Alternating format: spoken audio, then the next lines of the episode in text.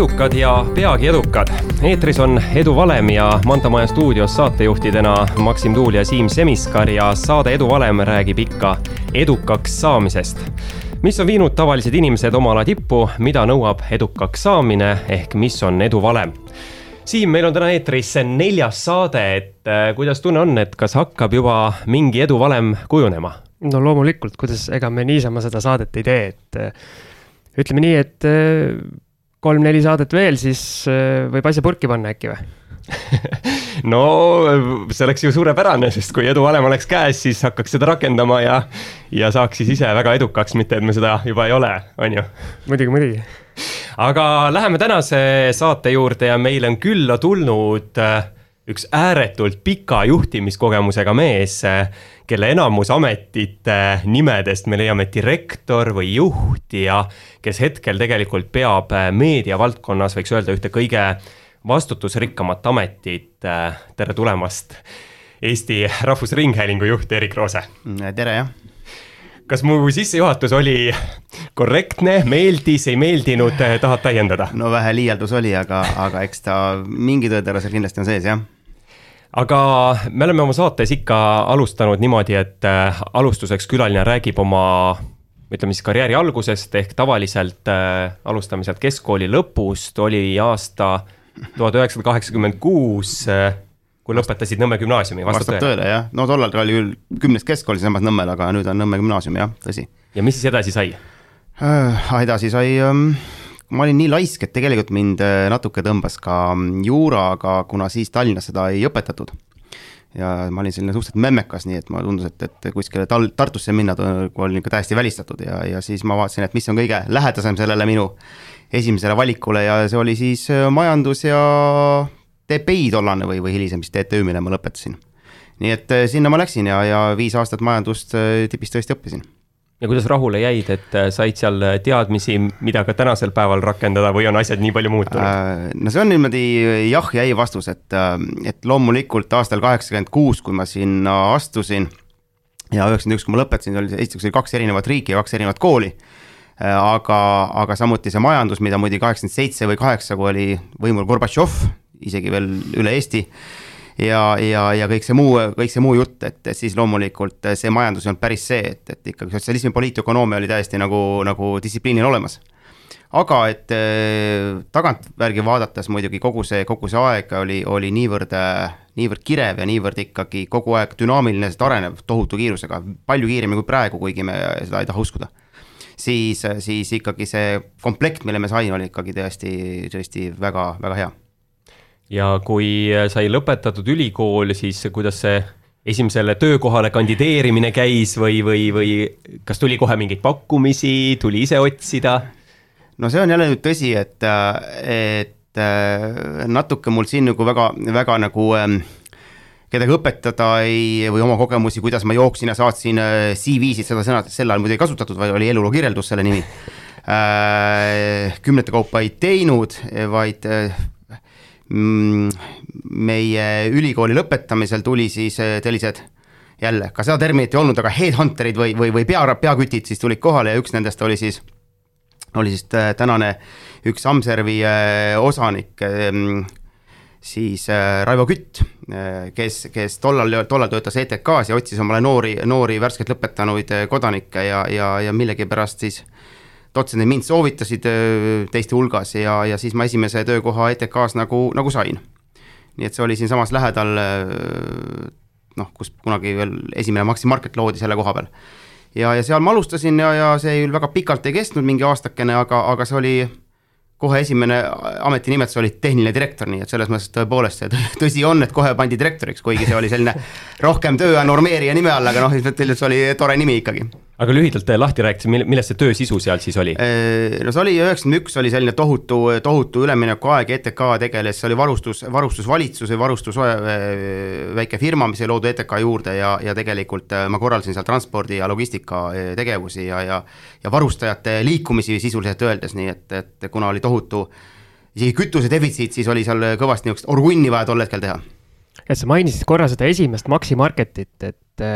kas sinu käsi oli ka kuidagi seal mängus? ei, absoluutselt mitte, see oli selle juures, et, et ETK tollane kompleks oli seal lähedal, et ei, ei selle, sellega polnud mul mingit pistmist, see tuli ka natuke hiljem tegelikult. kui mina seal olin, siis olid seal puhtad suured võimsad laod, et, et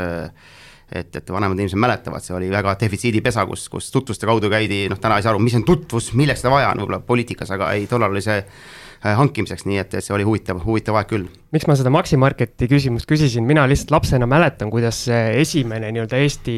Eesti Kaubanduskeskus kui selline loodi, aga see formaat oli täpselt risti vastupidine kui praegu, et see loodi kuskile, nagu sa ütlesid, suurte ladude juurde, kuskile täiesti eemale, kuhu sisuliselt jalgsi ligi ei pääsenud ja. sinna käis eribuss tegelikult eh, linnast. no neid bussidega mina ei sõitnud, aga ma tean, et see oli, aga see oli jah, vähe hiljem, aga, aga see oli kindlasti huvitav, huvitav aeg, et ja sealt edasi muidugi ma, muidugi ma mind, siis ma küll vist, ma ei mäleta enam täpselt, aga ahaa, seal hakkasid jah, tegelikult sellised keerulised ajad ja, ja ja öeldi, et me hakkame inimesi kokku tõmbama ja, ja kui sul on häid, häid nagu variante, siis vaata igaks juhuks ka noh, ma nagu lollikene ütlesin, okei okay,, et kui sihuke vihje tehakse, eks ma siis vaatan ja, ja siis tõesti järgmise kohana ma kandideerisin ja sain äh, tänaseks juba ammu, ammu lõpetanud, aga, aga nõukaajal väga suure olnud äh, galanteriikombinaat Linda presidendi abi välismajanduse alal oli selline niisugune välisassistendi koht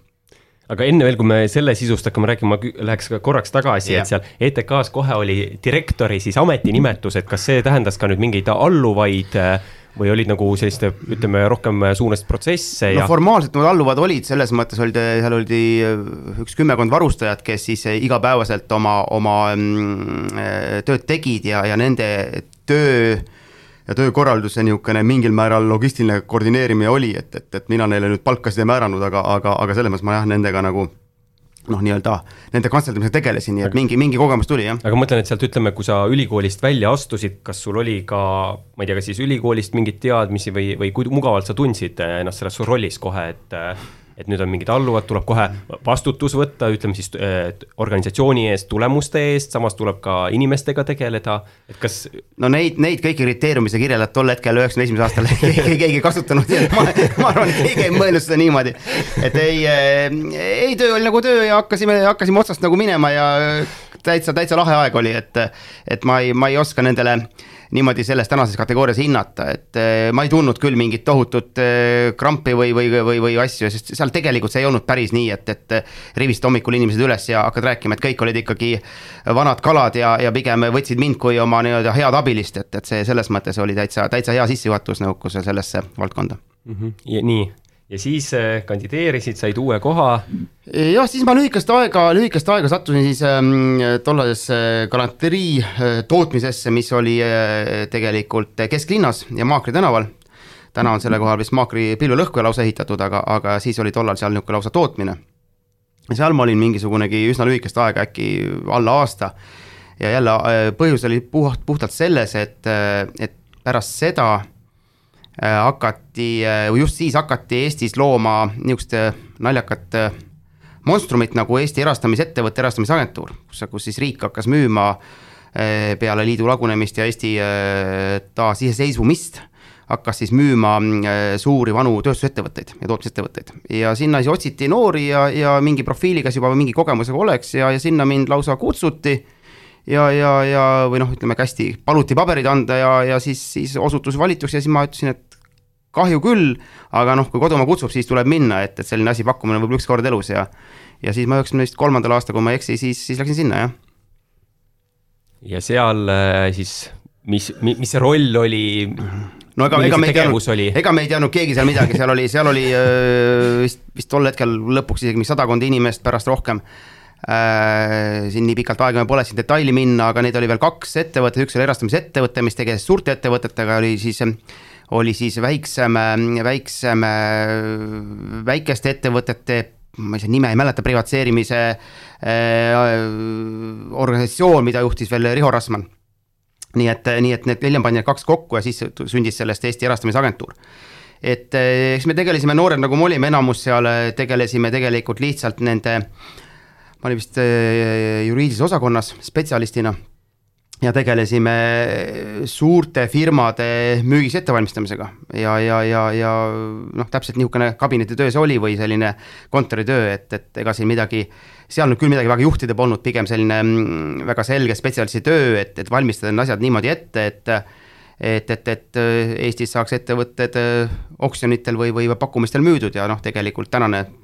taga, tagantjärgi öeldes ütleme, no Eesti on olnud kõige edukam selles, selles vallas üle maailma, ma arvan aga siis läksid natukene aastad edasi ja kui ma nüüd ei eksi, jõudis kätte aasta üheksakümmend kuus ja siis äh, hakkas see liikumine meedia suunas, et äh, kas mu faktid on õiged? faktid on, faktid on täitsa õiged, selles mõttes ma siia sõites mõtlesin jah, et neid korra aastate peale, et et minu tööstaaž tänaseks on kakskümmend kaheksa aastat, et suhteliselt pikk ju ütleksin juba, tundub nii. ja, ja, ja peaaegu või ongi täiesti ilma nagu vaheaegadeta praktiliselt ja, ja sellest kahekümne kaheksast kakskümmend kolm on siis äh, möödunud, äh, möödunud siis äh, ajakirjanduses, jah. nii et, nii et üheksakümmend kuus peale viite, viite aastat ülikooli lõpetamist, siis ma täiesti juhuslikult, tuleb ausalt öelda, sattusin jälle nagu soovitati, et, et kuna Ekspress Grupp või tollane, tollane Eesti Ekspress siis eh, hakkas kasvama nii suureks, et oli vaja luua siis nii-öelda kontsern ja siis nad tahtsid, tahtsid luua siis eh, nii-öelda eraldi tütarettevõtteid ja, ja siis Eesti Ekspress vajas, vajas uut, uut eh, ärijuhti ja, ja selle koha peale siis, siis mind kutsuti ja ma tegin mingid, mingid vestlused ja paberid Gunnar Kobinile ja, ja tundus, et sellele sobis, nii et, et sinna ma sattusin. kas sa arvad, et ju siis sa kohe esimesest, ütleme, tööaastast siin ma ütleks kõikides ettevõtetes olid nii silmapaistev, et järjest kohe ikka kutsuti ja juhtivatele kohtadele ei ole vaja kuskilt alt ennast üles töötada. mulle ka tundub kuidagi kõik nii sujuvalt, kas asi on selles jutus või siis tõesti nagu läkski niimoodi kõik. et selles mõttes, et praegu noh, et mis on meie küsimus kindlasti Siimuga eelkõige, et kuna me siin üritame nagu äh, eduvalemit leida mm, -hmm. et siis praegu on päris raske eduvalemit äh, siit äh, välja juurida, sest äh, üks mees lõpetas ülikooli, sai juhiks, siis oli juht ja siis oli juht. ei no vahepeal ma ikka spetsialist ka ja avalikus sektoris täiesti ja see oli väga põnev aeg, aga, aga, aga eh, noh, jah, et selles mõttes mingit CV-de perfektsete CV-de koostamise koolitust või, või, või meeldimiskoolitust ma siin teha nagu ei oska, aga mida ma võib-olla võin küll nagu markeerida ära või, või, või mulle tundub, vastates sellele, sellele küsimusele, et et kui see, kui, kui mingi, kui mingi valik teha mingis noh, ametis või, või, või, või valdkonnas, siis ilmselt on mõistlik seda, seda tööd ja tegevust teha nii maksimaalselt, et sa oled veenev, et, et sa jääd silma, et, et sa teed tegelikult oma asja, mida sa parasjagu teed, teed lihtsalt nii hästi, et noh, et kui, kui tekib kellelgi mingid järgmised küsimused, siis, siis lihtsalt teised kõik on peaaegu lühemad, kui korvpalliterminit kasutada. nii lihtne see ongi jah, väga tabavalt öeldud, aga ütleme, et sinna siis üheksakümmend kuus meediavaldkonna juurde jõudsid, tõsi, siis küll juhtival kohal, et äh, päris ajakirjaniku tööd vist ei, ei teinud või, või, või sattus ka neid päevi sekka? ei, ei, ajakirjanik äh, selle sõna mõttes, mõttes pole ma nüüd kunagi olnud, tõsi küll, hiljem, hiljem ma olen küll toimetanud äh, mõningaid, mõningaid ütleme, majanduslisasid, mis Postimehe juures äh, hiljem olid ja, ja, ja olnud nii-öelda väljaandja seal,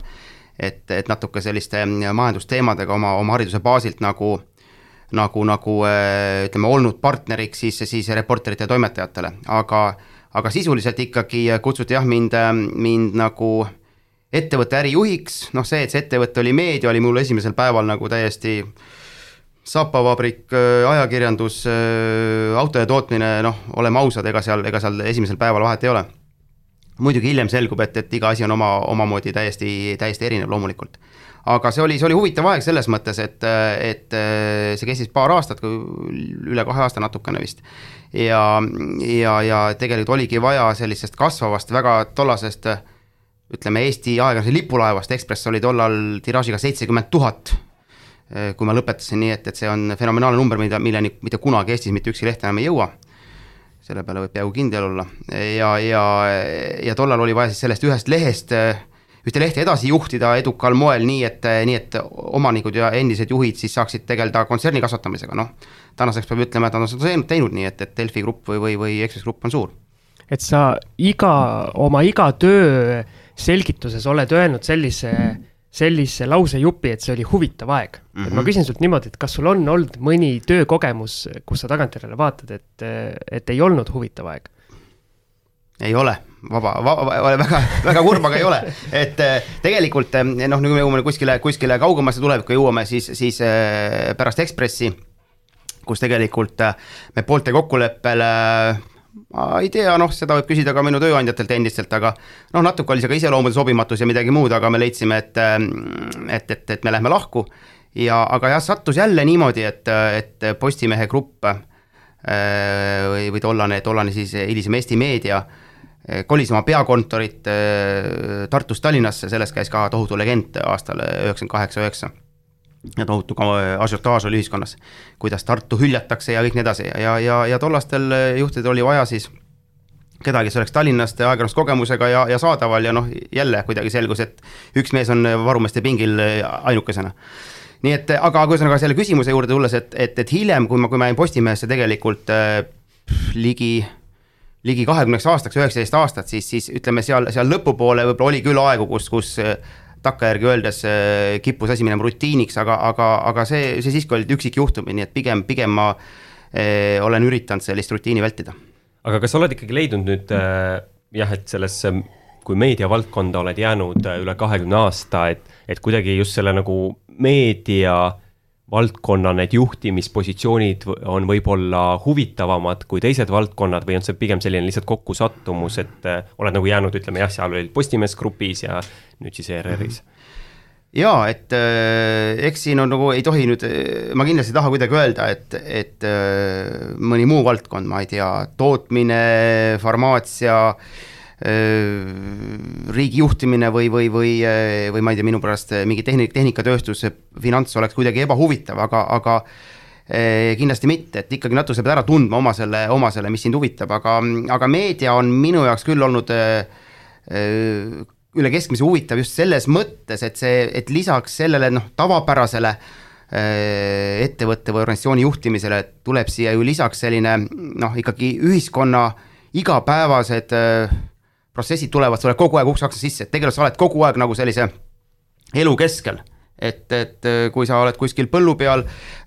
tootmises, toodad torusid, mis on kindlasti ka väga huvitav ja, ja, ja, ja mõistlik ja vajalik tegevus, teed maailma parimaid võib-olla, aga aga see, et mis kuskil toimub, võib-olla see ei ole sinu jaoks nii, nii tähtis ja sa noh, loed seda õhtul internetis, kui viitsid. aga minu jaoks on see kogu aeg nagu olemas, nii et see selline, selline, sa pead kogu aeg reflekteerima, mis päriselt toimub ja see lisab sellele minu jaoks nagu tohutult põnevust. ja kas võib öelda, et meedia on selline valdkond, mis tänu suuresti tehnika arengule on just nagu viimastel aastakümnetel nagu plahvatuslikult arenenud ja sa oled just selle arengu keskel nagu saanud olla. ja see väga hästi, väga hästi sa nagu selle küsimuse vastad ka ise või no selle, selle eelmise küsimuse ka, et, et, et kas on huvitav, et sellepärast ongi huvitav, et sa kogu aeg oled, iga paari aasta pärast oled nagu, nagu uues täiesti situatsioonis, uues isegi ettevõttes, et noh, kui üheksakümmend kuus äh, Ekspressis alustades ähm, noh, internetti kui sellist põhimõtteliselt ei olnud, vähemalt tänasel kujul, noh, ta nagu eksisteeris, aga see oli selline naljakas eh, staatiliste kodulehtede kogum. Eh, kui sa selle kodulehe avasid, siis, siis selge, parim juhul sai sa telefoninumbri, mis oli eh, analoogtelefon ja mobiile ka nagu õieti nagu oli vähestel, nii et nii et, et tol hetkel internetti polnud, see kõik tuli hiljem ja, ja siis tuli internet, siis tuli sotsiaalvõrgustikud, siis tulid tänased seadmed, nii et tegelikult iga kahe-kolme-nelja aasta pärast või järgi oled pidanud jälle nagu ümber õppima, nii et see, selle tõttu nagu eh, igav olla nagu ei saa, et sa pead kogu aeg nagu, nagu ratsutama, muidu, muidu, muidu jääd seisma. Aga ma arvan, et sellega võtakski meie sellise sissejuhatava osa kokku ja liiguks peagi juhtimise juurde, aga enne veel teeme ära meie välkküsimuste vooru ja lühike paus ja oleme tagasi Manta Maja stuudios ja meil on endiselt siin ERR-i juht Erik Roose ja nüüd on meil kavas äh, selline välkküsimuste voor, oleme ette valmistanud äh, tosin küsimust ja siin tuleb kiirelt vastata, aega mõelda ei ole äh, nagu vist Siim eelmises saates tabavalt ütles, et on ainult üks õige vastus. aga tegelikult on loomulikult asi palju kergem ja hakkan kohe pihta. tee või kohv? tee. ookeanid või mäed? Ei, mõlemad, aga pigem siis, kui valima peab, siis mäed. televiisor või raadio? raadio. Anne Veski või Alla Pugatšova? ai, jälle mõlemad, aga siis pigem Alla Pugatšova. pannkoogid või neljaviljapuder? puder. Õnne kolmteist või Troonide mäng? Õnne kolmteist. Põhja-Ameerika või Lõuna-Ameerika? Lõuna-Ameerika. säästmine või kulutamine? mõlemat vastavalt olukorrale. Õudusfilm või armastusfilm? kas neil on vahet jalgratas või mootorratas? vaimselt meeldib mootorratas, aga hirm sunnib sundima sõitma jalgrattaga. Twitter või Instagram? mitte kumbki, ma ei kasuta neid. kas James Bond või Batman? Bond. no tegelikult huvitavaid vastuseid oli palju, aga kuna siin ütleme meediast ja televisioonist täna veel räägime, siis ma küsin ära, et äh, miks siis televiisori või raadio vahel valides valid raadio? väga lihtsal põhjusel, sest tegelikult ma televiisorit vaatan vähe, kuna ma tarbin liikuvat pilti juba arvutist ja arvuti kõrval on hea, kui mul mängib raadio, et tegelikult selles mõttes ütleme, oleks sa küsinud ka, ka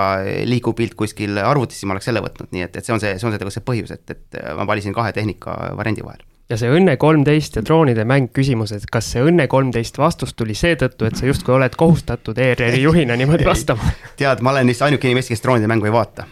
Nii et ma selle tõttu ei oska selle kohta midagi hinnata. no sellisel juhul siin stuudios on vähemalt kaks sellist inimest, et no, näe, ikkagi no, kolm. kolm. no näed, siis, siis ma, ma ei oska hinnata, ebaviisakas oleks hinnata asja, mida, mida, mida ma ei tea aga ma vaatasin, et vastasid ka, et sotsiaalmeediat, ütleme siin vähemalt Twitterit ja Instagrami väga ei kasuta, et. ja ma Facebooki läksin ka kolm aastat tagasi, siis kui ma eh, tegelesin äh, tegelesin äh, oma, oma maa, maakohas külavanemaks olemisega ja meie küla info käis Facebookis, siis ma olin sunnitud ennast Facebooki möllima, nii et aga, aga ka seal ma olen nagu ülipassiivne, nii et äh, mul ei ole selleks aega, et et äh, need, keda ma, kellega ma suhtlen, suhtlen ma kas näost näkku või telefonitsi, aga, aga üksteisele pidevalt öelda, kui toredaid söö, sööke me parasjagu sööme, et meil, mul vabandust, aga ei ole selleks aega. aga isegi kuulus Ameerika president Donald Trump ei ole siin nii-öelda Twitterisse veel tõmmanud, jah? Tead, ta on nii, ta on nii totaalne president, et temast kuuleb ka ilma Twitterita igalt poolt, eriti minu ametis, nii et ma käin tõesti, ma käin lugemas uudiseid umbes nelikümmend korda päevas, nii et, et, et selles mõttes saate aru rohkem kui mõni käib Facebookis. selge, aga veel lühike paus ja läheme ERR-i visiooni juurde. ja jätkame vestlust Erik Roosega kahe tuhande seitsmeteistkümnendal aastal kandideerisid siis ERR-i juhiks, juhatuse esimeheks ja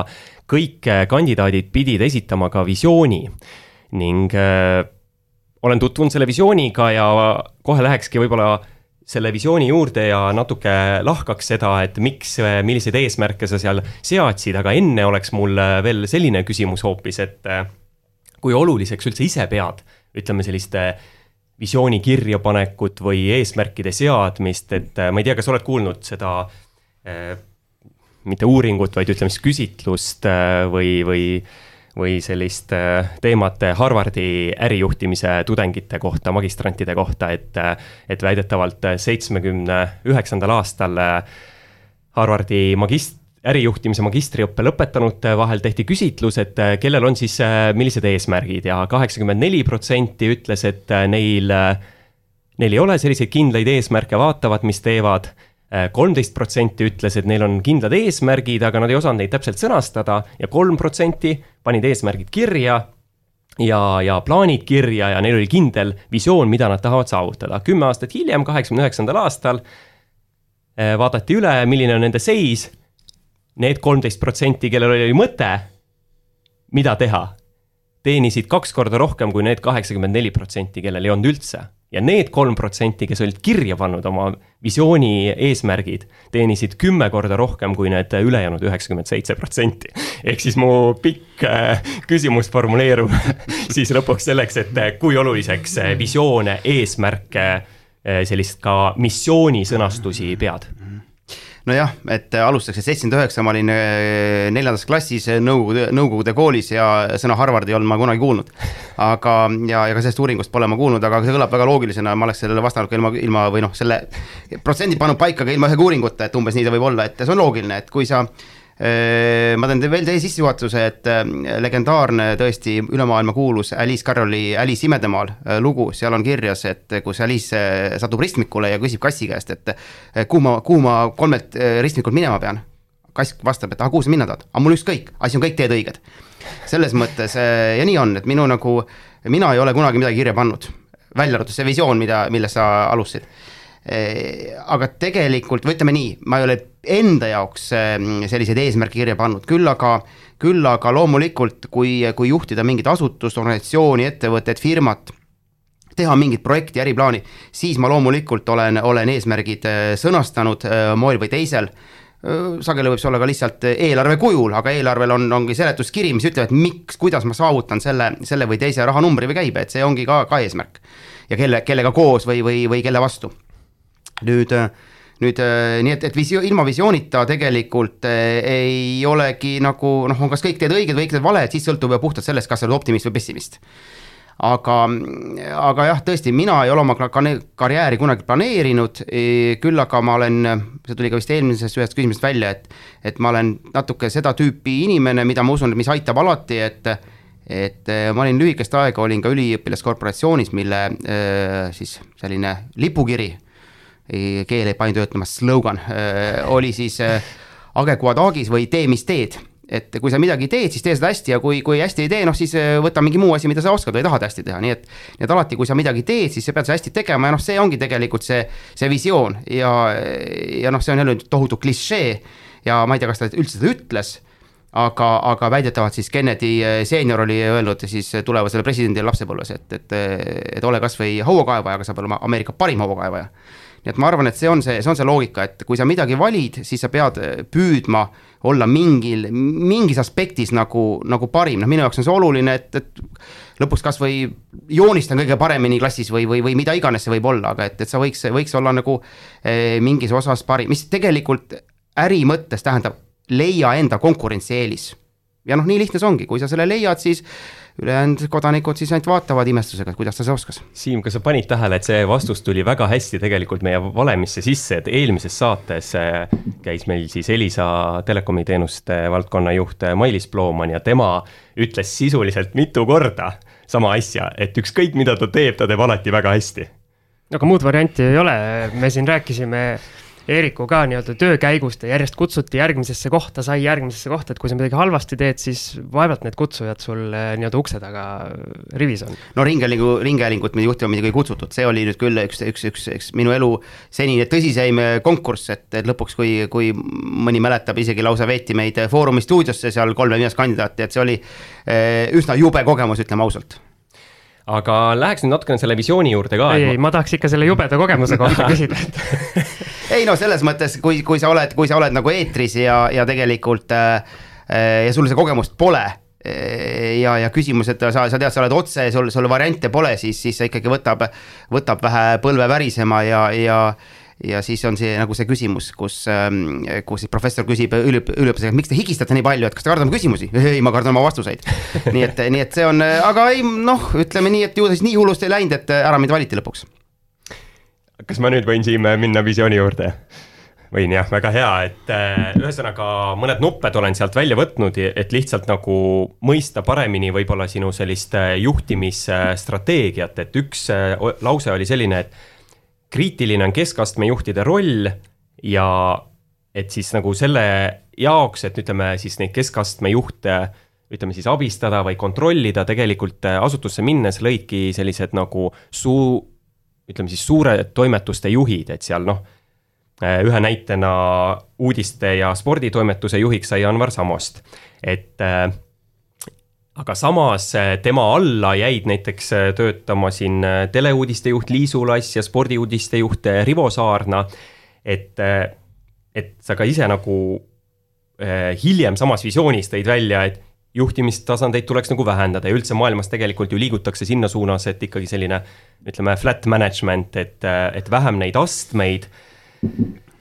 et mis see siis nagu mõte oli või kus siin see nagu loogika ikkagi säilib? tegelikult, tegelikult kui pilti natuke laiemalt vaadata, siis vastuolu seal ei ole, et ehm, kui ma, kui mind oli, oli nii-öelda kohale valitud ja, ja, ja kinnitatud, määratud Äh, Ringhäälingu nõukogu poolt, siis, siis see toimus kuskil kaks pool kuud äh, tegelikult enne äh, Margus Allikmaa ametiaja lõppu. aga, aga, aga meil oli hästi konstruktiivne ja, ja, ja sõbralik ja viisakas selline üleminek ja ülevõtmine ja siis mind kutsuti ka juhtkonna koosolekutele juba siin, siin varasemalt ja noh, seal esimesel koosolekul oli seal viiskümmend üks inimest Äh, kui te, kui te natukenegi mõtlete, saate aru, et sellise, sellise, pole võimalik sellist asja nagu kuidagi, kuidagi nagu ohjata, et et on kaks varianti, kas toimub mingisugunegi äh, suhteliselt äh, organiseeritud kaos või, või, või tegelikult ikkagi juhtimist klassikalises mõttes ei toimu. et mõlemad on nagu okei okay,, aga, aga, aga nende ülesannete noh, tõttu, mis olid ERR-i ees või probleemide tõttu, mida ma nägin silmapiiri kerkimas, lihtsalt need kaks mudelit ei olnud sobilikud, nii et see oli see, see oli see ähm, nii-öelda tõukejõud nüüd äh, nüüd tegelikult tänaseks on seal järgi jäänud sealsamale koosolekule circa kakskümmend inimest, nii et ikkagi kaks pool korda on asi vähenenud. mis puutub nüüd sellesse näitesse uudis ja sport, siis, siis seal lihtsalt, ähm, seal lihtsalt tegelikult äh, see on nii suur osakond, seal on sada üle saja, saja kahekümne inimese. et, et seda lihtsalt äh, oli vaja mm, kuidagi ühelt poolt tsentraalselt Anvari roll või selle ametikoha roll, ükskõik kes seda, kes seda täidab, on, on see, et ta, et ta vaataks pilti tervikuna, raadio, veeb, tele, spordiuudised, kõik oleks, peaks olema noh, töötama tiimina ja nad töötavad, see on täna Eesti parim, siin üldse ei ole küsimust, näitavad numbrid. tegelikult on praktika, nagu ütles Ulja Arno Lenin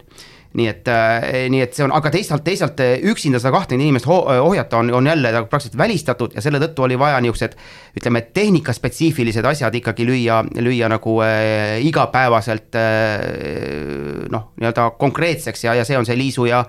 ja, ja Indreku ja, ja Urmeti ja, ja, ja Rivo siis töö mm. -hmm. aga kui ütleme siin ikkagi nüüd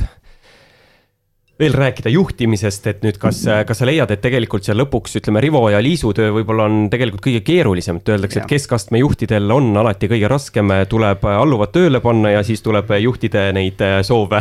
ja eesmärke ka rahuldada. ja see, sellepärast see lause, see oli täitsa kogemata või, või, või, või, või kuidagi väga, väga hästi, sa leidsid väga, väga kriitilise lause minu sellest visioonist, mis oli kolm või neli lehekülge et võib-olla see oli pigem, ta ei olnud isegi mingi visiooni osa, vaid pigem nagu ära, ääremärkus, oluline ääremärkus selleks, mis on nagu kriitiline edutegur või, või, või ohud seal. nimelt, kui sul on organisatsioon, kus sul on circa poolteist tuhat inimest, äh, pooled igapäevaselt palgal ja pooled neist veel töölepingute või, või koostöölepingute honoriga, siis tegelikult see on nii suur, et sa reaalselt, ükskõik kui imeinimene sa oled, ka, ka Steve Jobs ei, ei jõua tuhande viiesaja inimeseni, noh, nüüd enam ei jõudnud nii et, et sul on vaja nagu vahekihti, mis, mille eh, ja ma olen ise seal rollis ju olnud, et, et see töö tegelikult on selles mõttes põrgulikult raske, sa pead eh, ja minu meelest neid häid keskastme juhte Eestis on ikkagi, kes on, ütleme, täiuslikud, neid on ikkagi eh, väga vähe ja see töö ongi ülimalt raske ja miks, ma seletan kahe lausega, nimelt ühelt poolt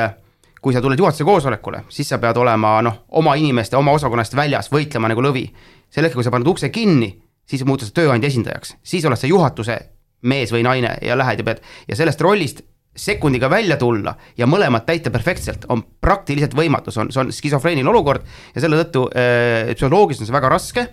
ja, ja, ja, ja, ja, ja need, kes on edukad, mina ütleks niimoodi, et siin see edu valemi mõttes jälle on väga lihtne äh,. sa pead olema lojaalne organisatsioonile, see on nüüd selle edu küsimus, et, et kui inimene hakkab tegema, et mina pean olema edukas, mina olen staar ja kõik teised peate käima minu järgi, siis tegelikult sa pikas perspektiivis edukas ei ole. aga kui sa defineerid edu läbi organisatsiooni, siis see nagu tasandab need kaks komponenti ära ja sa ja, ja tegelikult siis vaatad, kuidas neil kogu aeg nii hästi läheb, jube naljakas. Nad ei, me ei tee meil samamoodi, vot siis see ongi see moment, et et, et sa defineerid, et minu tiim peab olema edukas ja, ja mind aitavad juhid, mind aitavad alluvad, aga läbi selle olema edukas ja nad, nad väga sageli enamasti jäävad need eh, fantastilised keskmised tahaplaanile mis on muidugi hea, et siis ei küsi nii palju palka. see oli nali aga jah, et väga tabavalt öeldud see, et organisatsiooni huvid äh, nii-öelda esikohale, aga kui tekib näiteks see olukord, äh, mis tekib tegelikult väga tihti, et ongi, et see, ütleme siis keskastme juht äh, tegelikult ju nagu sa ütlesid, juhtkonna koosolekutel seisab oma meeskonna eest ja ta tihtipeale on nende nagu selline pereisa, pereema, et neil on nagu ikkagi lähedased suhted ja, ja ta tahab neile ka head ja nagu neid häid suhteid säilitada. et äh, kas sa julged nagu niimoodi päris äh, teravalt ja otsekoheselt öelda, et tegelikult lõpuks, kui on, ütleme siis äh, valida, et kas säilitada hea suhe ja minna natukene kõrvale sellest õigest teest organisatsiooni huve silmas pidades, siis tuleb ikkagi see otsus langetada ja võib-olla siis isiklikud suhted tahaplaanile lükata. kõik need, kes seda ei tee, ebaõnnestuvad varem või hiljem. seda ei tee, ebaõnnestuvad, jah väga sa hea. pead, sa pead kriisi hetkel ei ole midagi teha, sa pead südame kõvaks tegema. tegelikult ausalt öeldes mind on, ma olen päris mitmest kohast nii-öelda moel või teisel nagu ära tulnud ja ma olen seda paaris kohas ka öelnud varasemalt, et äh, enamus neist on kõige õpetlikumad kogemused üldse. Kuskil äh, konstruktiivne lahkumine ettevõttest, äh, millega su teed lahku lähevad ja kui sa võtad selle nagu korraliku õppetunnina, siis see on, see on asi, mille, mida raha eest osta ei saa ma veidi puudutaks sellist teemat, et sul, sul kogemus umbes paarkümmend aastat erameediast ja nüüd siis nii-öelda riigimeedia, et ERR, et kui erinev või kui erinevad need kaks asja on või oli lihtsalt sul nii-öelda minek ühest meediamajast teise? Ja kui ma algul, algul nagu e, nii-öelda minema või tulema hakkan, siis oli tõesti peaaegu nii, et, et noh, et võtame järgmise ettevõtte. kuigi siin tuleb ühe remargi teha, et, et ega mul oli, ma olin nagu väga selgelt valikus, et kuna ma olin töötanud kahes suurimas eh, meediagrupis, nii Ekspress Grupis kui, kui eh, Postimees Grupis ja, ja noh, mõnes mõttes äh, ei paistnud ka kuidagi, et, et ma kas, kas saaks või isegi tahaks sinna uuesti minna, siis oligi valida, kas ma, kas ma võtan nagu nii-öelda kolmanda viimase suure meediagrupi öö, oma tööandjaks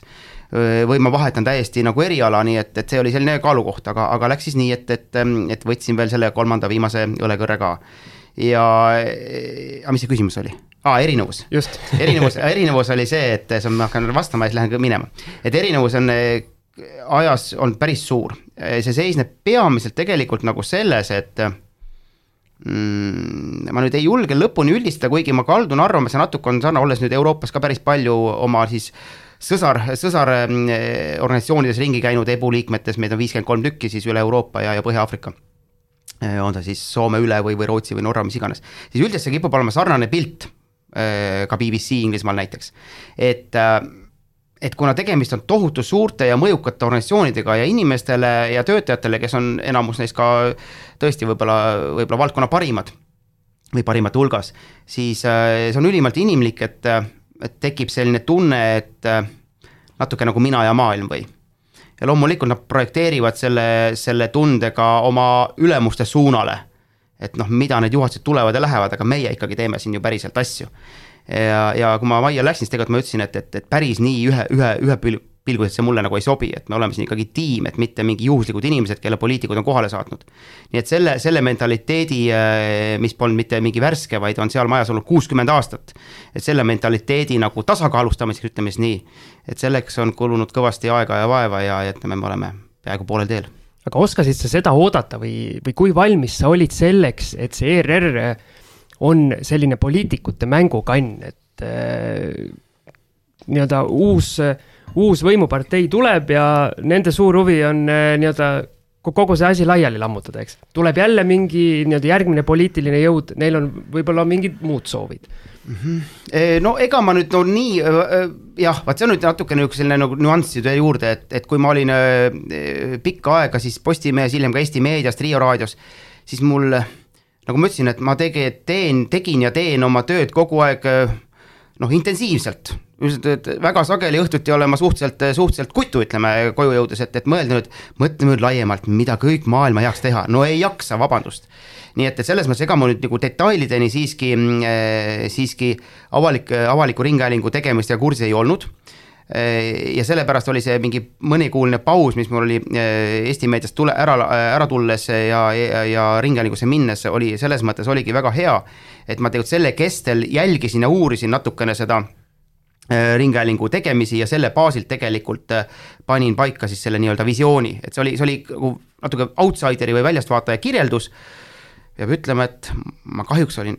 väga täpne, pigem isegi kohati liiga leebe, et mitte ükski järeldus või väide ei osutunud valeks, ehk siis tegelikult need, need probleemid, need väljakutsed, mis ma nagu seal juba väljast vaatasin üsna põgusalt, noh, olles ikkagi meediaga lähedalt tuttav, et on osutunud kõik tõeks, nii et, nii et aga need, aga minu nagu ettekutse oli pigem nagu tehniline. Aga see, milline on nagu poliitiline selline surve või kogu see, seda loomulikult ma ei osanud ette arvata, nii et see kindlasti oli teataval määral üllatus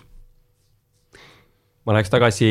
ühe visioonipunkti juurde, nimelt äh, seal juhtimises äh, kohta kirjutasid, et äh, uuenevas juhtimisstruktuuris peaks olema viieliikmeline juhatus ja siis lisaks esimehele kaks peaks vastutama programmi ja toimetuse eest, kaks siis finants ja äh, finantside tehnoloogia eest. et tegelikult äh, ma vaatasin ka, et Mart Luik äh, oma visioonis kirjutas üsna sarnaselt, et tal oli siis, et juhatuse esimees on strateegia üldjuht, siis on üks on tehnoloogiajuht, sisujuht, finantsjuht, personalijuht. aga ütleme, ERR-i suguses organisatsioonis on jah suur juhatus, aga kui me näiteks tuleme siin natukene väiksemate asutuste juurde, võib-olla eraasutuste juurde, kus on nagu üks juht siis mis sa leiad, et mis peaks olema juhi juures need, ütleme, kõige tähtsamad omadused, et et ütleme, kui ma näiteks suunaks siis äh, nendest variantidest, et äh, kas mul on õigus või ei ole, et võib-olla selline eh, finantsiline taip ja personali juhtimise oskus. või mhm. vaidleksid vastu, mhm. lisaksid midagi ähm,? ma vahetaksin distsipliini, tegelikult need mõlemad olulised, aga, aga need natuke on taktikalised ma ütleks, et kui valida üks omadus, mis peab, mis, mis, millega kirjelda edukat juhti globaalselt üle maailma. kuigi siin on ka ülimalt markantseid erandeid, aga, aga tegelikult kui valida ainult üks iseloomuomadus, siis see oleks hea inimese tundmine. kui sa oled hea inimese tundja, siis sa suudad valida need inimesed, kes tegelikult on head finantsistid, head äh, sisujuhid, head ajakirjanikud, kes iganes. nii et, aga kui sa oled halb inimese tundja, siis äh, sa ei suuda kõike üksinda kunagi ära teha ja siis on sul mingi kamp äh, kodanik, kes võib-olla tegelikult huvitavad millestki muust, kes võib-olla tegelikult äh, hoopis äh, ma ei tea, ihaldavad sinu kohta ja teevad kõik, et, et sind kohe välja süüa, noh, seda, seda ma ütleks, ma isiklikult ei ole kogenud, aga, aga lihtsalt näitena. või, või kes lihtsalt tegelikult tahaks teha midagi muud, aga noh, kuna muud parasjagu pole saadaval, siis ta on nõus sinu juures tunde õhtusse lohistama. nii et, et kui sa nagu seda ära ei tunne, noh siis tegelikult on sul nagu üks, üks, üks nutt ja, nutt ja viletsus hommikust õhtuni, aga kui sa tunned ära, siis tegelikult on noh, kui sul on parimad tegelikult ei pea olema parimad, ma ütleks, see on üks, üks nagu printsiip, mida ma vahele tooks, et. et ma olen alati nagu töötanud ettevõtetes, noh, mis ei ole Skype või, või Telia või, või Swedbank või, või Hansapank. kes nagu on turuliider, ma maksan üle. alati oleme võinud, et me ei saa võtta, me ei, me ei jõua maksta kõige esimesele, aga võtame selle teise, selle challenger'i, kes tahab saada parimaks. ja ta on nõus alustama suht madalalt, aga tal jalad kraabivad kogu aeg asfalti. no siis asfalt hakkab ka ju all liikuma, kõik ümberringi liigutavad. päris mõnus jah äh,, aga ma liiguks siit veel edasi nüüd selles mõttes, et äh, läheks Mart Luige visiooni juurde ja ma küsiks mm., kuna tal oli palju, ütleme siis etteheiteid tegelikult ERR-i toonasele seisule, et siis ma küsiks, et kas on õnnestunud nagu neid asju parandada, et sellist kaks väidet tooks välja, et et tootmiskulud on kasvanud jõudsalt, aga pole näha korrelatsiooni programmi mahu kasvuga. me räägime siis aastast kaks tuhat seitseteist, ehk siis selle, õigemini sellest sellele eelnevast ajast. ja siis ka, et töötajate arv on kasvanud jõudsalt, aga pole näha korrelatsiooni lisanduva töömahuga, et noh, tegelikult sinna ühte auku, et eks kui eh, töötajate arv tõuseb, ongi tootmiskulud ka nii-öelda kallimad, et, et kas sul on õnnestunud optimeerida ERR-is töötajate arvu ja teistpidi, et eh, kuidas on inimesed selle eh, vastu võtnud, sest ma tean ise asutusi, kus on olnud selliseid juhtumeid, et inimesed käivad tööl ja võib-olla ongi niimoodi, et noh, ütleme nii, et saaks sealt rohkem välja piksida, no alati saab, aga, aga võib-olla isegi palju rohkem. ja siis, kui tuleb see uus inimene, eh, juht, ma mõtlen, siis alluvad ju tegelikult on harjunud vähem tegema, kui peaks võib-olla tegema. et siis on nagu eriti raske neid nagu öelda, et aga kuulge, et tegelikult isegi su tööleping näeb ette, et sa pead tegema neid, neid asju, et hakka tegema jah, no mina olen nii kirjutanud, aga tegelikult see, mis eh, teistpidi ma võiksin alla kirjutada küll, mis Mart, eh, Mart seal ütles, et eh, Mardiga me ka töötasime ju koos mingeid aegu ja, ja oleme olnud nii kolleegid kui konkurendid. ja ütleme, et seda on küll raske ette kujutada, aga Mart on veel kraad avameelsem ja otsekohesem kui mina, kuigi ma ütlen veel kord, seda on üsna raske ette kujutada. et äh, aga, aga aga tõepoolest, et see eh, lihtsalt faktipõhiselt ma ütleksin, et eh, ma teiste, teiste ministeeriumi või haldusaladega ei oska võrrelda, mul seda andmeid pole, aga, aga kultuurivaldkonnas, kultuuriministeeriumi haldusala valdkonnas eh, olime meie küll ainsad, kes on viimane kaks või, või, või peaaegu et kolm aastat nüüd eh, circa neli kuni viis protsenti koosseise vähendanud. samas eh, seda teinud enam-vähem suhteliselt sama rahaga nii-öelda tegevusi, eh, ehk siis pannud selle vabaneva ressursi programmidesse, mille, millele Mart viitas. ja, ja tootmisesse ja, ja, ja vaadata, nagu vaadata nüüd eh, jälle päris, päris numbreid, vaataja, kuulaja, lugeja numbreid. noh, siis veel kaks-kolm aastat tagasi oli selline kümne või viieteist-aastane periood, kõik mäletavad, kes on nagu tele, meediamaastikuga kursis, et, et oli kolm üsna võrdset telejaama, ETV1, Kanal kaks, TV3, noh, niisugune kümme, kaksteist protsenti reiting ja, ja, ja kõik oli niisugused võrdsed, siis tükk tühja maad ülejäänud. noh, tänane viimane aasta aega siiski paraku on nii, et, et ETV-l on circa kakskümmend protsenti reiting või ligi kakskümmend ja, ja ja kaks ja kolm peavad kokku pingutama, et meie, meie mõõtu olla, nii et nii et see on see vastus sellele küsimusele, et eks me siin võtsime need need, need, need meetmed tarvitusele ja täna nagu nii, nii koosseisud on läinud natuke efektiivsemaks, kui ka tegelikult on üle vaadatud inimeste töökohustusi, uuendatud ka töölepinguid, natukene võib-olla noh, see on halb sõna, tuunitud või, või, või, või sätitud ka neid peenhäälestatud, väga peenelt öeldud, nende tegevusi ja, ja, ja tulemus on käes, et iseenesest äh, ähm,. isegi ETV Pluss, mille ümber käis mitu aastat selline lööming, et, et paneme kohe kinni, siis täna tegelikult noh, jättes mingid väga üksikud äh, hüüatused kõrvale, siis täna keegi sellest ei räägi, kõik saavad aru, et tegemist on täitsa, täitsa okei okay kanaliga näiteks ma natuke hüppan jälle veidi kõrvale, aga ma küsin sellist asja, et kui sa erameedias töötasid, siis sa pidid nii-öelda vastutust kandma omanike ees, eks ERR-is on justkui iga Eesti maksumaksja arvab, et ta on äh, omanik ta isegi teab seda. just, just ja seetõttu ollakse väga, väga altid nagu andma alati nõu, kritiseerima, mis iganes, kui palju sellist äh, infot või kriitikat sinuni jõuab ja kui palju üldse sa nagu juhina saad seda arvestada? see on äh, ülihea küsimus ja see on tegelikult, kui jälle välja tuua nüüd üks asi, siis see on äh, siis on ainus või, või kõige, kõige, kõige markantsem ja fundamentaalsem erinevus ähm, eraettevõttega, erameedia ja, ja avalik-õigusliku meedia vahel, et äh, ta tuleneb ka seadusest, aga, ja meie, meie nõukogu koosseisust, mis, mis siis kaasneb ju, ju enamus ka poliitikuid igast, igast erakonnast, kes on parlamendis, on üks, üks liige ka meil nõukogus. Nende huvid loomulikult äh, noh, ütleme arusaadavalt siis, mitte loomulikult, arusaadavalt on mõneti erinevad ja, ja, ja selle tõttu tõttu äh, selgelt sõnastatud omaniku tellimust minule kui juhile praktiliselt ei ole. ja see teeb selle töö selles mõttes põrgult keeruliseks, sa pead iga hommiku ise endale eesmärgi püstitama, siis selle kõigile veel maha müüma, kõigile tähendab üks koma kolm miljonit põhimõtteliselt erineva intensiivsusega ja siis sellega ellu viima. Ja lõpuks igal juhul nagu siis saad ka sõimata, et igal juhul keegi neist ühest koma kolmest arvas ju, et, et tegelikult on tegemist on ikka suhteliselt lolli inimesega no mõnikord on tõsi, aga enamasti on vaba maailm ja vaba konkurss, nii et ma alati olen öelnud kritiseerijad, et konkurss tuleb juba päris varsti, oled oodatud. tundub, et nii-öelda Rahvusringhäälingus on nagu selles mõttes keeruline olukord, et öeldakse justkui, et et nii-öelda need klikid ja lugejad ja vaatajad, et see number nagu otseselt ei ole oluline, et meil on mingi suurem, suurem asi kanda ühiskonnas, aga samas, kui keegi ei loe, ei vaata, ei kuula, siis kohe öeldakse, et aga miks teid üldse vaja on. täpselt nii ongi, täpselt nii ongi, selles mõttes Äh, ja noh, loomulikult sõbrad, head sõbrad ja kõik vanad minu pikaajalised äh, tuttavad kõikidest äh, teistest meediamajadest, need juhid, keda ma kõiki ju isiklikult täiesti tunnen. Et ega need hea meelega ootaksid, et, et nii kui mõjukus või, või vaatajate numbrid kukuks, noh, näete, neil polegi üldse, seda pole üldse vaja. ja samas, nii kui me oleme edukad, siis puhkeb järgmine hüsteeria, näete, võtavad meie eest leiva ära, nii et tegelikult selline tule eile meile, too homne ajaleht kaasa, et, et see selline mm, jutt kuigi ma pean ütlema, et viimasel ajal on nagu sellest natuke vähemaks jäänud, aga ilmselt, ilmselt on omad teised erinevad palju põhjuseid, mis me lahata ei jõua, aga aga, aga kunagi ütles, minu meelest oli see Igor Rõõtav, kes ütles, et tee viisteist protsenti marginaali kasumit ja omanik ei julge seda enam ühtegi küsimust küsida. et noh, meil nagu kasumit pole ja ei tohigi olla, me kulutame kogu raha edukalt ära aasta lõpuks, natuke puudu ka alati. ja küsite veel juurde, eks ja küsime juurdegi just nimelt jah, enamasti ei anta, peaaegu kunagi ei anta. ja aga, aga, aga kui, kui ikkagi äh, kui ikkagi tulemused selles mõttes on, on ütleme, tagasihoidlikult head, kui eh, ma ütleks veel, veel, veel repliigi korras ikkagi natukene ennast, ennast või meie organisatsiooni ja meie, meie juhte nii-öelda kiites esile, et ega see, kus eh, avalik ringhääling võtab massiivselt ja kiiresti positsioon nii-öelda vaatajate turul, lugejate turul noh, see on harul-, haruldane, et tegelikult ikkagi kõik, kõik nagu suured meediamajad tegelikult üle maailma kukuvad, eriti avalik-õiguslikud, nii et ütleme, praegu me nüüd, nüüd on küsimus, et kas me nagu ujume vastuvoolu või on tegemist surnud kassi põrkega igal juhul äh, ma arvan, et nüüd on õige aeg teha veel lühike paus ja siis äh, räägime juba juhi pingetest. ja me jätkame Manta majas äh, vestlust ERR-i juhi Erik Roosega ja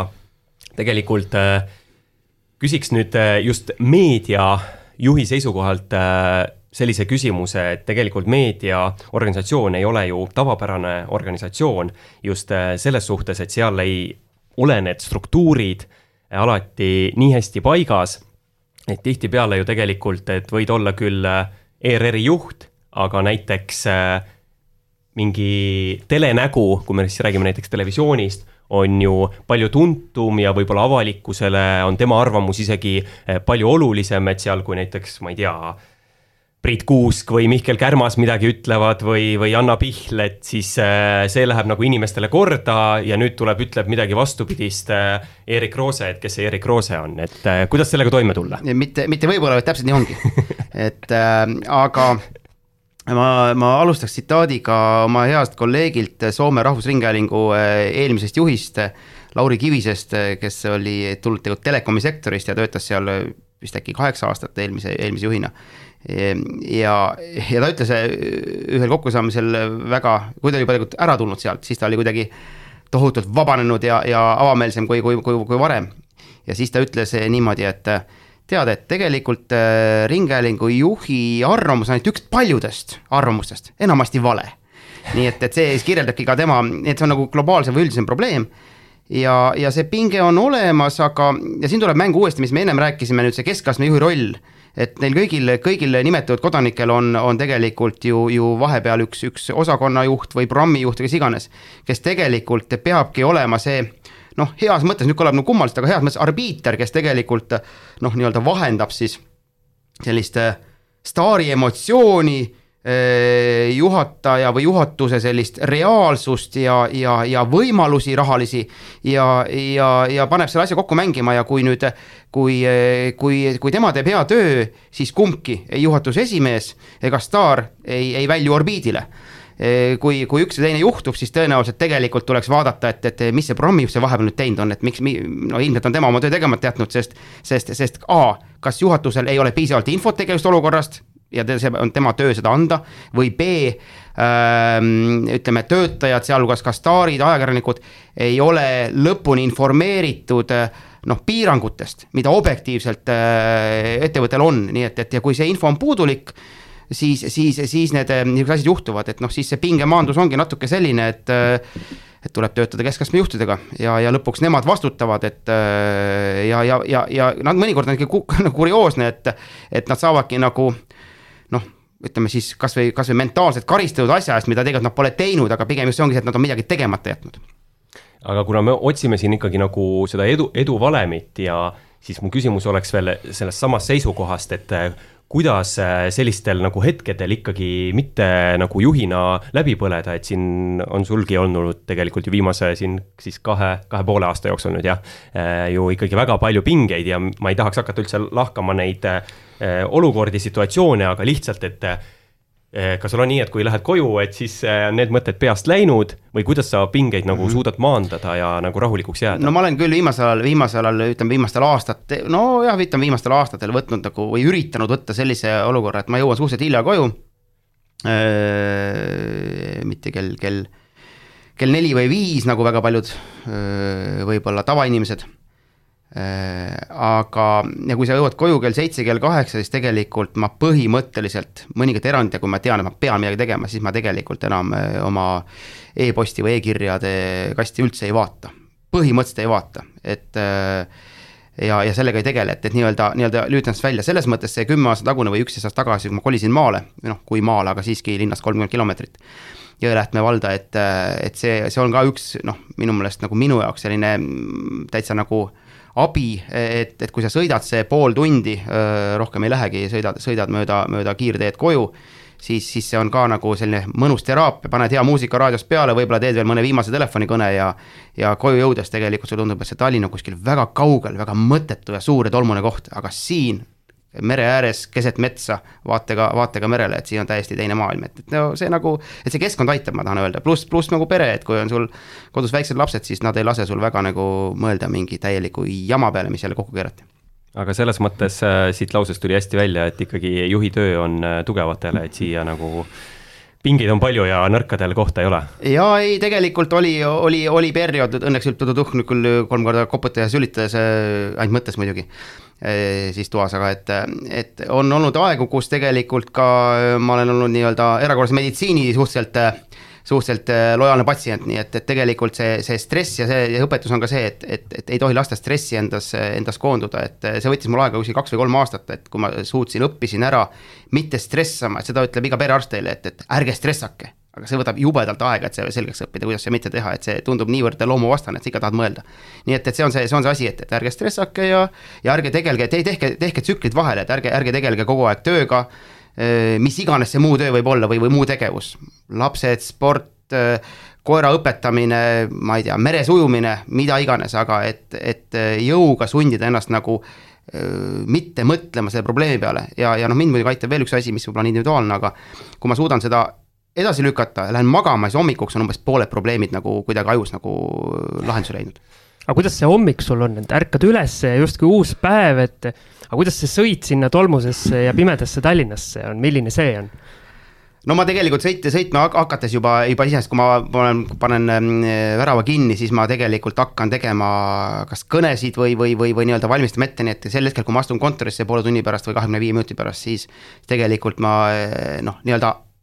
mõttes olen juba kolm või neli eh, e-kirja või vastust tegelikult juba eh, nii-öelda aju on öösel valmis mõelnud, et, et siis ma saan need kiiresti, kiiresti ära teha, et et, et selles mõttes jah, see kojusõit, tööle kojusõit on minu jaoks selline selline nagu ülemineku hetk ja, ja minule tundub, et eh, see nagu on kuidagi naljakalt teraapiline, aga, aga veel kord, et võib-olla kui sa oleksid kuskil diislit, diislit, tänapäeval vist on head bussid, ma ei tea, kui mina olin noor, siis olid mingid diislihaisused jubedad bussid siis ma arvan, et, et see ise on nii kohutav kogemus, et, et sa ei saa seal midagi väga mõelda, et oled poolkoomas, kui sealt välja vaalud, aga et täna nagu ilmselt on asi, asi parem, et võib-olla saab ka trammis seda kasutada, seda metoodikat. ma tuleks veel äh, korraks äh, juhtide ja siis alluvate suhete juurde, et lugesin siin just hiljuti, oli see seal Siivi keskus vist saatis mingid meilid laiali ja seal oli üks pealkiri, et enamik töötajatest ei soovitaks tuttavatele oma tööandja juures töötamist et, äh, et oli vist lausa selline mingi statistika välja toodud, et äkki neljandik ainult äh, soovitaks mm. -hmm. et äh, kuidas siis ikkagi juhina saavutada seda, et organisatsiooni eesmärgid saaks täidetud, edasi liigutud kindla nagu eesmärgi suunas ja samas oleksid ini-, nii juhil inimestega kui ka loomulikult siis inimestel omavahel head suhted ja inimesed nagu hindaksid organisatsiooni? see on väga, väga hea küsimus jälle, ma ei tea, kust sul nii palju häid küsimusi täna tulnud, sa oledki nii hea, et aga aga, aga tegelikult on küll nii, et tõepoolest, et äh, ma olen noh, selles mõttes personali äh, diskussioonides äh, mida ma nüüd väga tihti ei pea, aga ütleme just selliste uute, uute enda alluvate tööle võttes või, või uute vanade või, või kes iganes, kes küsib, et äh, mis on väga hea küsimus, et noh, et mida sa täpsemalt ootad ja mis ma peaks tegema ja nii edasi. siis ma tegelikult üks asi äh, paljudest, äh, ma olen alati öelnud, et, et me peame töötama nii, et, et meie alluvad, meie kolleegid tahaks või soovitaksid, noh, tahaks soovitada ka oma, oma sõpradele-tuttavatele, et tulge siia tööle, see on niivõrd mõnus koht. ja ja nüüd ma natuke võib-olla jälle kergitan nagu äh, koerasaba, kes ta ikka kergitab, eks ju, et äh, mingi üksikute väga spetsiifiliste eranditega, kui kutsuda siia, ma ei tea, minu viimasest äh, kümnest, kümnest organisatsioonist või, või allüksusest äh, kümme inimest, ma arvan, et kümnest üheksa ütleb, et tegelikult kui esimene šokk on üle elatud, siis on Roose juures jube hea töötada. et, et aga selle nimi võib olla keegi teine, ma ei tea, Sami Seppanen või, või Valdo Kalm, aga et, et kui, kui, kui, kui, kui alluv nii ütleb, et siis see, siis see ongi see, et, et et nali on selles, mida mina olen märganud, et, et tegelikult juhitakse, jagunevad kas nõudlikuks või selliseks noh, noh niisuguseks natuke nagu sõbraks või nagu natuke nagu noh, kaalloheks, lohe, lohistame siin koos. ja, ja kuigi see, see teine tundub algul nagu jube mõnus, siis, siis üsna varsti või, või mingi aja pärast tegelikult inimestele meeldib, nad eelistavad objektiivselt nõudlikku, aga ausat ja õiglast juhti. et see tundub nagu natuke nagu, nagu karm, aga tegelikult nad seda eelistavad, sest sest see, see organisatsioon on edukas, nad on osa edukast organisatsioonist ja nad ja neil ja seal töötamine on nagu väärikas, et see ei ole lihtsalt need, veetsime siin aega õhtul, eriti ei makstud ka, ega me eriti ei teinud ka, et selles mõttes oleme tasa, niisugune Itaalia streik, et tegelikult enamus inimesi äh, päeva lõpuks, mida vanemad saavad hakka mõtlema, et miks ma üldse tööl käin tegelikult eriti ei maksta ka, no mida ma, juba on varsti pension paistab ja mida ma teinud olen, mitte midagi. aga kui sa tahad öelda, et ma olen teinud seda asja, ma olen muutnud maailma, nagu kutsuti, kutsuti Apple'isse Coca-Cola, kas sa teed elu lõpuni mullijooki või muudame maailma no kutt, suure südamega oleks, lähme siis muudame maailma. nii et, et tegelikult meeldib selline asi kõigile, aga noh, ma iga päev ei mõtle selleni, aga, aga intuitiivselt selle ajuga tajub iga töötaja tegutseb selle ära, nii et, et see on see, see on see koht, aga, aga loomulikult on ka erandid, alati, alati on mingid kohad, kus, kus tegelikult noh, see lahkuminek ei ole nii sõbralik ja siis loomulikult selle tüübi juurde kunagi ärge minge, et, et. et kui keegi seda ei ütle, siis ilmselt sa ei kuulu sellesse teise gruppi, sellesse juhtide gruppi, vaid siis sa oled ikka see kaasalohiseja, et, et keegi. see on alles niisugune klišeelik legend, et ma pole nii, nii, nii, nii vilets mees, et mul pole ühtegi vaenlast pole, et küsimus pole vaenlases, küsimus on selles, et. et on need, kes, kes mõtlevad ainult enda peale ja need, kes on võimeline nägema lisaks endale ka, ka kolleegide ja, ja organisatsiooni edu, et see on see vahe aga ma läheks äh, meie saate traditsioonilise kahe lõpuküsimuse juurde, kui Siim siin vahepeal ei taha vahele segada. ma äh, kuulan suu lahti ja peaks märkmeid tegema tegelikult aga see jääb ilmselt salvestamine olemas, saad hiljem teha, mulle tundub. aga et meil on olnud tegelikult kõikide külaliste käest olen küsinud lõpetuseks, et äh, esimene küsimus oleks, et miks sa pead ennast edukaks? Ma ütlen ette ära siis, et meie loomulikult peame, sest sa oled saates Edu valem, sellepärast me kutsusime eh, ERR-i juht, eh, pikaaegne üldse erinevate asutuste juht, et aga miks sa ise ennast edu, edukaks pead? ma ei pea, ma ei tea, ma ei, tegelikult tahtsin alustada kogu seda, kogu seda juttu tund aega tagasi, et, et kõik sõltub sellest, milline edu definitsioon. ja, ja see on inimestel erinev, mina kindlasti ei arva, et, et, et enamik inimesi peab või, või peaks üldse pidama Äh, edu kriteeriumiks juhi funktsiooni, mis on täiesti hullumeelne mõte, tegelikult on ähm, noh, see on nüüd väga libe jää, aga äh, kümned uuringud kinnitavad seda, et edukas juht on teataval määral sotsiopaat.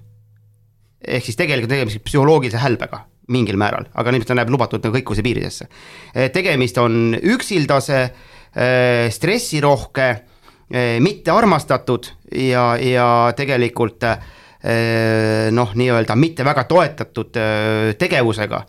ja, ja edukas pikaajaliselt sa noh, ka enda, enda mõistes või ütleme tervise mõttes, sa üldse ellu jääda, selleks sa pead ikkagi suutma iseennast motiveerida. sa pead endale põhjendama, miks ma seda, seda kadalippu tahan läbida ja mina ei ole seda põhjendust veel leidnud, ma ei tea, kuidagi nagu võib-olla on see, võib-olla see loogika on selles, et ega ma midagi muud ka teha nagu ei oska. et siis tuleb siis seda teha, on ju nii et äh,, nii et, et, et, see selles mõttes see edu on, ma, ma arvan, et see, et mul on kaks, ähm, kaks täiskasvanud äh, tütart ja, ja, ja kaks äh, väikest äh, algkoolilast ja ja, ja nad on, nemad on edukad, nemad on tublid ja, ja, ja targad ja, ja, ja, ja, ja terved. et noh, minu jaoks on see nagu oluliselt suurem edu kui see, et ma, ma teen mingi eduka diili kellegagi, et noh, diil tuli, diil läks. muidugi siin ma pean ühe asja, mida ma teil siia mõtlesin tegelikult veel, et kirjeldada seda edu, edu, et et tegelikult ma ei tähista, ma olen võib-olla jälle natukene noh, teistsugune inimene, et ma ei tähista mingit kellalöögid, hurraa, lööme patsi, teeme, mis suurtes kõik kirjutavad Skype'id, Google'id, et oh, nüüd me tähistasime oma võitu. ja ma mõtlesin, miks see nii on ja tegelikult mõtlesin välja siin teel, teel siia Nõmmele, et, et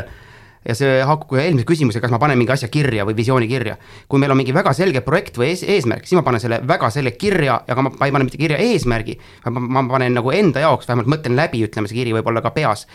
kuidas täpselt eesmärgini jõuda, nii et tegemist on mingi kümnest või kahekümnest tegevusest koosneva protsessiga ja kui sa siis sa kogu aeg teed ja suhtled ja, ja teed neid lepinguid ja, ja ja sõlmid neid kokkuleppeid või, või, või, või, või nii edasi, siis need nagu ükshaaval need tikud võtavad ja kui sa nüüd saavutad selle eesmärgi, siis on lihtsalt see kahekümnes tikk, no mida sa ikka siin väga pidutsed. et äh, noh, business as usual, et äh, nii, et selles, selles mõttes see on see koht, et äh, miks minule tundub selline tohutu hurraa, selline noh, natuke tänapäeva lumehelbekaste loogika, et noh, tähistame iga asja. no sellest ajast alates, kui laps nagu esimest korda potil käis, nagu tegelikult pärast seda võiks nagu elada tavaliselt, mitte iga asja ei pea tähistama kogu aeg. nii et äh, aga noh, veel kord, ma olen päriselt ka, ma olen küünik, on ju, mõnikord tuleb see välja, nüüd jälle vabandust. et aga, aga, aga et, et see, see edu jah, veel kord, et nüüd algusest tagasi juurde, et, et edu on äh, väga suhteline mõiste ja ma arvan, et tõsi on ka see, mis sa viitasid või, või kuidagi, et, et natuke see edu defineeritakse nagu teiste kaudu, kui keegi teine arvab, sa oled edukas, ega sa ise no ma kuidagi ei arva, et edukas, ma kindlasti võiks olla mitmes, mitmes vallas, mida ma ei, rääkida ei jõua ja võib-olla ka ei taha, mitmes vallas hoopis edukam, kui ma täna olen. kohe kindlasti, aga, aga see võib-olla ei ole nagu ühiskondlikult oluline, küll aga see oluline mulle, nii et, nii et kindlasti ma ei, ja ma kindlasti ei arva, et et peaks nagu äh, ülikooli lõpetaja või, või, või noor, noor spetsialist või noor juht ütlema, et nii, minu ainus kriteerium on olla edukas ma väga kahtlen, et, et väga vähesed neist täidavad selle kriteeriumi, et, et lihtsalt, lihtsalt lambist öelda, et nüüd ma kavatsen hakata edukaks, siis eh, tegelikult kas Harvardi uuringud, mille sa ju algul viitasid, seal seda kriteeriumit ei olnud, oli see, et mida ma tahan teha mm. -hmm. aga see, kuidas, et see, see, kuidas, kuidas on võib-olla kõige kriteerium tähtsam, nii et, nii et kui edukas oleks, siis tuleb teha oma asja hästi. kas, kas või olla hauakaevaja, aga parim hauakaevaja igal juhul sellest vastusest ma sain siin päris äh, mitu head tsitaati. Äh, algas vastus muidugi sellega, et hirmutati ära kõik inimesed, et ärge juhiks hakake, et äh, see on midagi kohutavat, aga tegelikult vastuse lõpuks me jõudsimegi selleni, milleni ma mingil määral olen tahtnud jõuda, et ega kuigi me räägime siin palju tööst ja karjäärist ja, ja, ja organisatsioonide juhtimisest, siis tegelikult edukus võibki väljenduda selles, et kas lastel läheb hästi, perel hästi, endal on tervis hea või mis iganes. aga ma küsin ka selle viimase küsimuse ära, kuigi sa juba selle käigus vastasid, et, et mis oleksid võib-olla siis lühidalt kolm-viis punkti, mis peaksid olema nüüd äh, edukal inimesel, nüüd ma mõtlen just ikkagi pigem juhtimise seisukohast. omadused? jah oh,. noh, vaat nüüd see on ootamatu selles mõttes, et siin nüüd äh, väga kiiresti vastata, aga noh, kuidagi hakata siin äh, proovides väga, väga kiirelt süstematiseerida, et ma arvan, et tegelikult äh, mingi korra, mis mingi, korralik äh, siis reaalharidus võiks olla äh, üks kriteerium, ta ei, ta ei pea olema reaalharidus, aga, aga, aga ta võib olla ka humanitaarharidus, aga see, see komponent ähm, mida, mis ütleb, räägib äh, siis, siis ütleme ladina keeles causa effectus või, või põhjused, seosed, seoste komponent või põhjus-tagajärg, et sa saad aru, kui ma teen nii, siis juhtub järgmine asi mulle tundub, et äh, nii-öelda pehmetes haridussüsteemides seda nagu millegipärast ei öelda, vähemalt inimesed pole sellest nagu aru saanud, kui ma nende inimestega sageli räägin. nii et ütleme, see on esimene kriteerium, et sa pead aru saama. korraks segan vahele, ütlen, et reaalkool mm. mul, nii et check, nii järgmine mm -hmm. punkt et äh, aga, aga veel kord, ei noh, sa võid sellega keskhariduses, kui sul on väga hea matemaatika, füüsikaõpetaja, saad sedasama asja kätte, et isegi ei pea ülikoolis käima selle jaoks. aga noh, mõned ei kuula seal ka tunde, eks ju, seda teate isegi. et äh, nii, et see on nagu esimene kriteerium, et sa pead aru saama, mis, äh, kui sa midagi teed, mis siis juhtuma hakkab äh, see kõlab nagu täiesti triviaalselt ja isegi labaselt. aga enamus inimesi, kõvasti üle viiekümne protsendi arvab, et ükskõik, mida ma teen, mingit tagajärge sellel ei ole. see on väga vale arvamus ja kui sa nii arvad, siis põhimõtteliselt juhiks sa põhimõtteliselt ei sobi. aga mõned ikka on, üritavad, aga need firmad ka siis sageli pankrotti, see ongi see põhjus. aga nüüd teine, teine asi, mis on võib-olla oluline, on siis see, et nagu ma ennem ütlesin, et, et, et on tungivalt soovitav, et sa oled hea inimese tundja või ütleme, sa mõistad inimese motiive, ütleme siis lihtsamalt öeldes. sa mõistad, miks ta nii käitub, miks ta nii ei käitu, miks ta, mis on tema motivaator ja, ja ja ma ei tea, kas on sama punkt või, või, või, või, või järgmine punkt, aga, aga see, nagu kunagi oli üks raamat, eh, mida siin mingi aeg, kümme aastat tagasi nagu siin reklaamiti, oli see, kuidas eh, võita sõpru ja mõjutada inimesi. noh, tegelikult on tegemist manipulaatori käsiraamatuga, aga heas mõttes, eh, positiivses mõttes väikest viisi olla manipulaator, see on möödapääsmatu juhile. sa ei tohi olla selle juures ebaviisakas ja murda oma sõna, aga mõjustada, mõjutada alluvaid erinevate meetoditega, viima ellu sinu visiooni, see tuleb kasuks, pehmelt öeldes. nii et see oleks nagu kolmas, nüüd eh, neljandaks, kui nüüd nelja või, või, või, või viite asja mõelda, siis neljandaks muidugi äh, noh, ma nüüd ei pane neid tähtsuse järjekorda, aga, aga oma valdkonna pead sa tundma või, või tahtma sügavuti tundma õppida. ükskõik, mis probleem, kui sa oled mingi valdkonna, sa ei pea olema mingi tippjuht, sa võid olla spetsialist. kui sul tekib mingi probleem või keegi teeb paremini, siis on absoluutselt möödapääsmatu, kui sa tahad olla edukas. et sa uurid välja, miks on Ericsson parem kui, kui Nokia või miks on, miks seda väidetakse või mis see põhjus on. see võib ka täiesti vale väide olla, aga siis sa saad teada, miks seda väidetakse. ja kui sa seda tead, siis on võimalik sul tegelikult teha õigeid otsuseid, võib-olla sa pärast seda otsuse tead, nad on nii kõvad tegijad, ma lihtsalt ei lähe selle valdkonna, ma ei hakka sellega tegelema ja see on ka juba väga õige otsus, sest muidu sa häviksid täiega. ja noh, võib-olla siis viimaseks on see, et, et äh, isegi mitte viimaseks, oli number esimene, aga, aga nüüd kõik viis on võrdsed. et edukaks olemisel pead sa olema nagu õiglane ja tegelikult ka aus kui sa, kui sa pead oma sõna, siis see kunagi ei, ei nii-öelda ei, ei tasu tagasi või doesn't pay back immediately. et noh, see ükskord lubas, noh ja tegigi, noh so what. aga kui sa oled seda teinud kolm või viis, seitse aastat, siis, siis kõik teavad, et kui ta midagi ütles, siis tema sõnapäev võib loota ja kuna meie ümberring on niivõrd segane maailm, mida, mida hullemaks on läinud maailm, ega noh, ütleme see killustunumaks, kogu see võrgustikud, sotsiaalne internet, sa ei saa kogu aeg nagu eksinud, sa ei saa aru, kus sa oled, hulbid avakosmoses. ja siis, kui on mingid tüübid, kellega võib-olla raske rääkida, aga kui ta midagi ütleb, siis nii ka on. siis nad, nad muutuvad sinu jaoks nagu selles mõttes, isegi mitte autoriteediks, aga, aga nad toestavad sinu nagu ebakindlat maailma ja sul on, sulle, sa usud nende inimeste juttu ja, ja kui ta ütleb, et kuule, natuke oleks abi ka vaja siis nad ütlevad, jumal tänatud, minult küsiti, ma isegi tahaks seda teha. nii et noh, et sõnapidamine on tungivalt soovitav tõesti väga põnev vestlus ja mul tekkis siin veel väga palju küsimusi, aga me peame selle saate kokku tõmbama, mina saan äh, Eeriku käest küsida oma küsimused äh, saateväliselt, aga kõikidele kuulajatele ütlen, et kui teil on äh, küsimusi meile, siis loomulikult saate postitada saate alla kommentaaridesse või saata meili info, et rahajutud.ee, et meie saade on kuulatav siis rahajutud.ee portaalis ja kõikides suuremates äh, podcast'i äppides, äh, leidke meid üles, ikka kuulake, soovitage teistele. aga tänaseks siis äh, tänan, Eerik, stuudiosse tulemast ja edu siis isiklikus elus ja ka ERR-ile. Mm, aitäh ja edu kõigile, et edu on lihtsalt kahe kõrva vahel olev usk, et kui sa usud, et sa oled edukas, siis oledki edukas. ja järgmine saade taas juba kahe nädala pärast, olge edukad. ja kuulmiseni ka minu poolt